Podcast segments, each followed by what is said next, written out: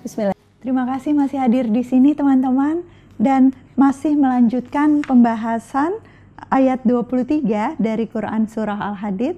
Tadi Abi uh, sedang berbicara tentang ayat ini yang bercerita tentang musibah, tapi sesungguhnya ada perbedaan ya Bi antara musibah, azab dan fitnah. fitnah ya. Boleh sedikit Bi diuraikan okay, tentang itu? Okay. Okay.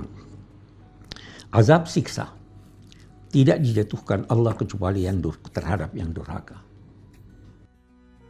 Mengapa Allah mau menyiksa kamu? Kalau memang kamu bersyukur, kamu taat, Allah tidak siksa kamu. Jadi siksa pada yang nah, Kemudian ada yang dinamakan musibah, ada yang dinamakan bala, ada yang dinamakan fitnah. Eh, bala itu ujian. Dan semua diuji. Yang taat diuji, yang durhaka diuji. Keniscayaan hidup ini adalah ujian. Am hasibtum an tadkhulul jannah walamma ya'lamillahu alladhina jahadu. Kamu kira kamu masuk surga tanpa diuji? Tidak mungkin. Tidak mungkin. Jadi kita semua diuji.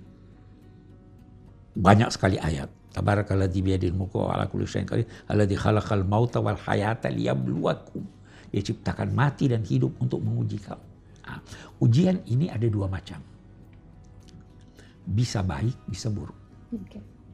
Anak itu ujian, nikmat itu ujian. Nah, yang yang yang tidak yang tidak mengenakan juga itu ujian. Tetapi jangan pernah nisbahkan kalau buruk kepada Allah. Nggak boleh, karena itu bukan bagian dari kita mensucikan Allah, oh, mentasbihkan Wah, bagus, Allah. bagus. Ma asabaka min hasanatin fa min Allah, wa ma asabaka min sayyiatin fa min nafsi. Apa yang terjadi, yang kamu dapatkan dari eh, kebaikan itu sumbernya Allah, dan yang dari keburukan cari sebabnya pada dirimu. Tidak ada satu musibah yang menimpa seseorang di dirinya atau di permukaan bumi ini kecuali karena ulah manusia. Nah, itu musibah. Nah, eh, itu bala, itu fitnah. Nah, musibah ini eh, bisa jadi terkena juga kepada yang melakukan siksa, yang, yang melakukan kedurhakaan, tetapi ketika itu jangan anggap itu sebagai siksa Jangan anggap azab. Uh, jangan anggap azab, tapi anggap itu peringatan supaya dia bertobat. Dan peringatan itu nikmat. Betul. Uh, eh, kalau dia orang yang uh, de, yang yang yang mengabdi, maka musibah itu untuk meningkatkan derajatnya. Ya kan? Nah, karena itu ada ada ulama-ulama yang kalau tidak teruji oleh Tuhan dia bilang, udah saya kok nggak diuji-uji nih. Saya nggak bisa naik tingkat sama mahasiswa kalau nggak diuji. Ujian nggak nah, ya. bisa lulus. Nah, itu. Baik, kita lanjutkan. Apa tadi? Eh, Ayat berikutnya bi yang 24 orang yang kikir. Maaf, uh, uh, ah, enggak, ini yang penting nih. Likailata sawala ma fatakum wa tafrahu bima atakum. Musibah okay. yang mengenai kamu ini bisa baik, bisa, bisa buruk, buruk, semuanya sudah diketahui Tuhan supaya okay dengarkan baik-baik supaya apabila kamu telah berusaha untuk menghindarkannya, okay. kamu tidak merasa menyesal karena itu memang sudah ditakdirkan Allah Subhanahu wa Allah sudah tahu itu. Jadi apa pun musibah yang diterima, upayakan untuk menghindarkannya kalau buruk, upayakan untuk memeliharanya kalau baik, karena itu sudah takdir Allah. Dia sudah tahu sebelumnya. Jangan terlalu sedih. Supaya kamu jangan tidak berduka cita berlebihan ya, pada nah, saat Jangan juga melampaui batas dalam Betul. kegembiraan. Jangan juga terlalu gembira terhadap apa yang sudah diberikan Allah. Oke. Okay. Uh, eh, wala tafrahu bima atakum wallahu la yuhibbu kulla mukhtalin fakur. Allah tidak, tidak senang senang kepada orang mukhtal itu eh, keangkuhan, sombong yang terlihat dalam tingkah laku. Okay. Fakhur itu kebanggaan, keangkuhan yang ada di dalam benak. Okay. Ya toh? Jadi ada ya. orang angkuh tidak terlihat dalam jalannya. Ada orang yang gabung keduanya ini. Allah Dua, tidak, tidak senang, suka. tidak senang dalam arti tidak melimpahkan kepadanya keridaannya, nikmatnya, dan anugerahnya. Jadi ditunjukkan ataupun tidak ditunjukkan itu Allah tidak, tidak menyukai orang-orang seperti tidak senang. itu. Jangan angku. Uh, Oke. Okay. siapa di antara mereka itu alladzina yabkhaluna wa ya'muruna an-nasa bil bukhl mereka itu antara lain yang kikir. Bukan cuma kikir. Menganjurkan orang lain untuk kikir dalam arti melarang orang lain untuk, untuk menyumbang.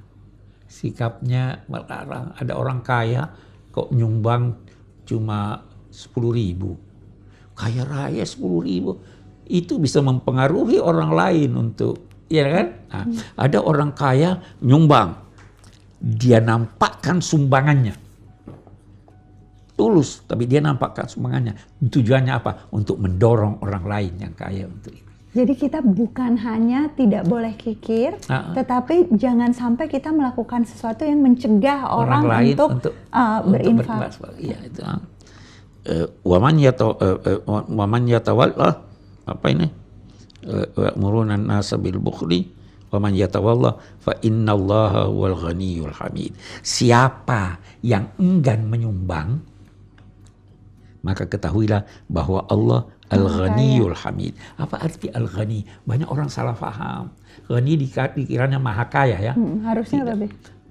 Maha tidak butuh maha tidak butuh dan salah satu uh, ciri dari tidak butuh itu ya dia merasa cukup merasa dengan, cukup uh, ya yang sedikit pun eh, bis, eh, Abi sering berkata eh, kekayaan itu seperti lingkaran bulat. Ya kan? Ya.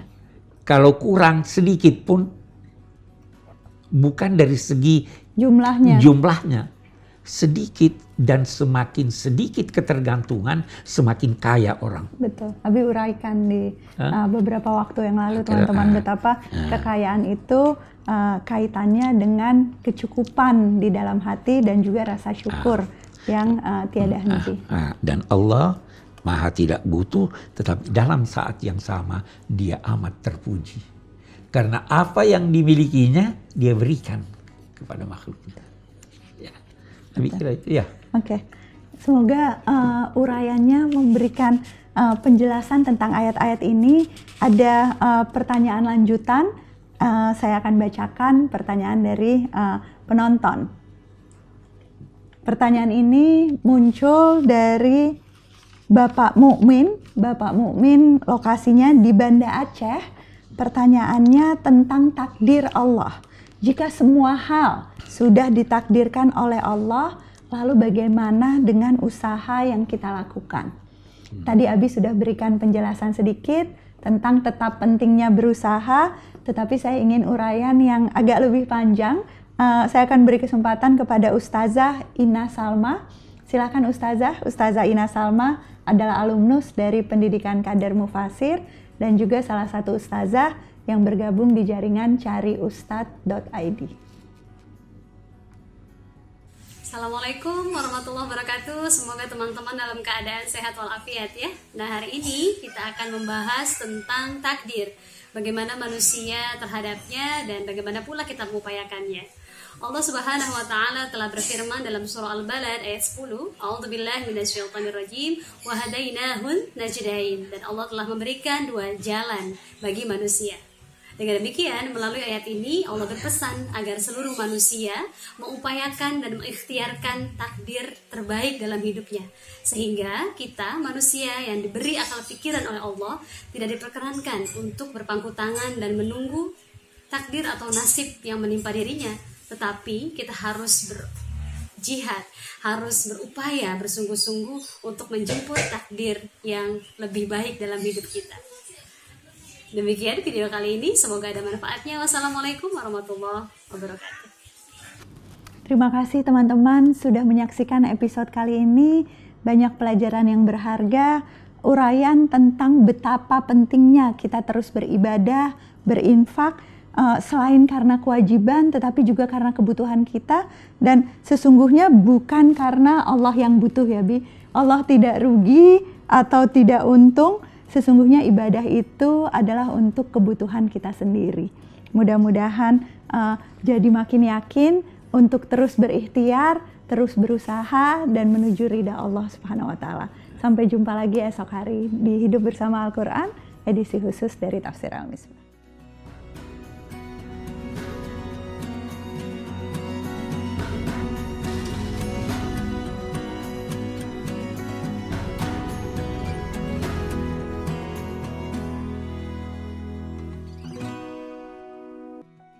Bait Al-Quran adalah salah satu program pusat studi Al-Quran dalam bentuk pesantren pasca tahfiz, khusus bagi santri berbagai daerah yang sudah hafal 30 juz.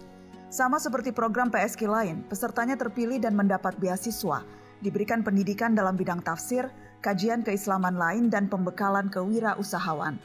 Alumni Bait Al-Quran kembali ke pesantren dan kabupaten masing-masing untuk menjadi penggerak Islam moderat di kampung halamannya di penjuru Nusantara.